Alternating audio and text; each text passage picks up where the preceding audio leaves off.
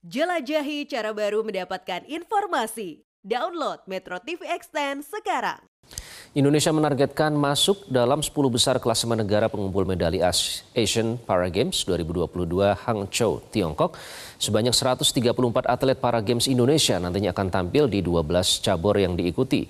Komite Paralimpiade Indonesia (NPC Indonesia) menggelar acara pembubaran kontingen Indonesia yang tampil di ASEAN Para Games Kamboja 2023.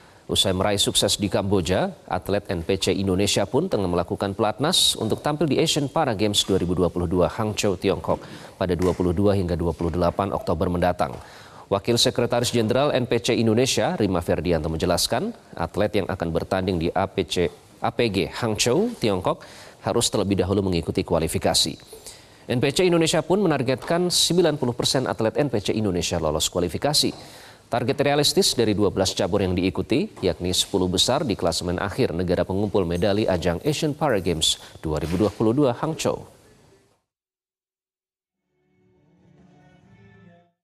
Hangzhou ini kan level Asia, jadi ada kualifikasi. Kita harapkan dari 134 atlet ini minimal 90% lolos kualifikasi bisa berangkat ke Hangzhou semua. Nanti kita insya Allah berangkat tanggal 16 Oktober, pulang tanggal 29 Oktober dengan target uh, 10 besar. Cara mudah mendapatkan informasi dengan satu sentuhan jari. Download Metro TV Extend.